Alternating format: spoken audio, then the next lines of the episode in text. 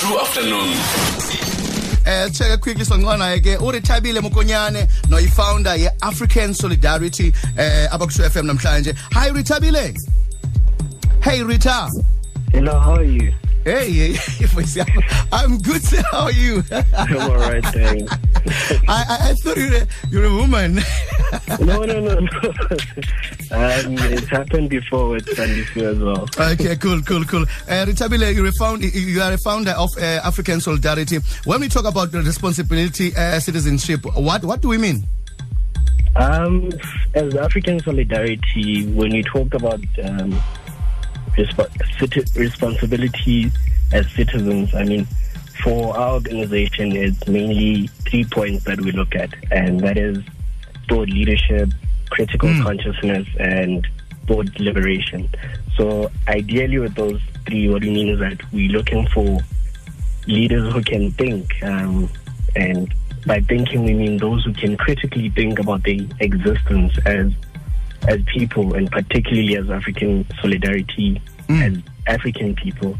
And we use those three ideals of responsible citizenship to, you know, come up with projects that will ensure that um, our citizens and Africans are actively engaged in, you know, the, the, the happenings of Africa. Okay. Uh, so, how can an ordinary uh, uh, citizen or South African contribute towards this? Um, in many ways, um, we okay. One of our projects, which is basically our main one, is that we. It's called SMART. It's African Solidarity Student Mentored Okay. um, all-round tutoring. So we're looking for university students, basically, who are willing to sacrifice their time to tutor and mentor um, high school students. And how that goes about, I mean, here in, in, in, in Joburg and in Free State, we look specifically to universities and TVETs to get those university students involved, as well as the, you know, the students from high schools involved. And we, we create, you know, this, this critical conscious that I emphasize that you get, you know, the tutors teaching the, the, the black students particularly about what it means to be black. And um, yeah, that's basically how it goes. And on top of that, they tutor them in the specific subjects. So you create all round understanding of what it means to be you and what your worth is in the society. And once you've found your worth in society, you're able to contribute meaningfully in your studies too. Um, in other other ways that people can contribute is that we have we, we're looking for funding for the organization. So um, those who are able, you know, relevant stakeholders who are able to fund these projects, they can get hold of us on our email.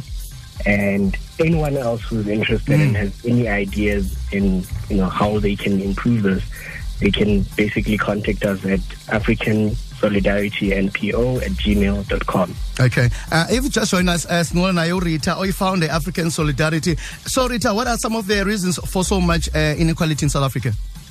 Um, we won't beat around the bush. We know the, the, main reason is colonialism and apartheid. That's why we have the inequality that exists in society right now. But fundamentally, as African solidarity, we think that the perpetual inequality exists because of the lack of education that you know black people have. And the minute we we start realizing we are and we educate ourselves, you know, we we, we, we liberate ourselves and then we are able to come up with, you know, what we as African Solidarity call African Solidarity for African Solutions. And yeah, that's what what perpetuates inequality is the fact that we are uneducated and through this unedu- us not being educated mm. educated is that we, we find ourselves being continuously marginalized and oppressed from, you know, Okay. participating in the education sector and the economic sector. Okay. Before we let you go, uh, Rita, uh, how do we address this uh, or inequality in South Africa? Um, as I've mentioned, the fundamental thing is that we we stop this idea of placing what I call plasters over a deep wound. So you, how do I put this?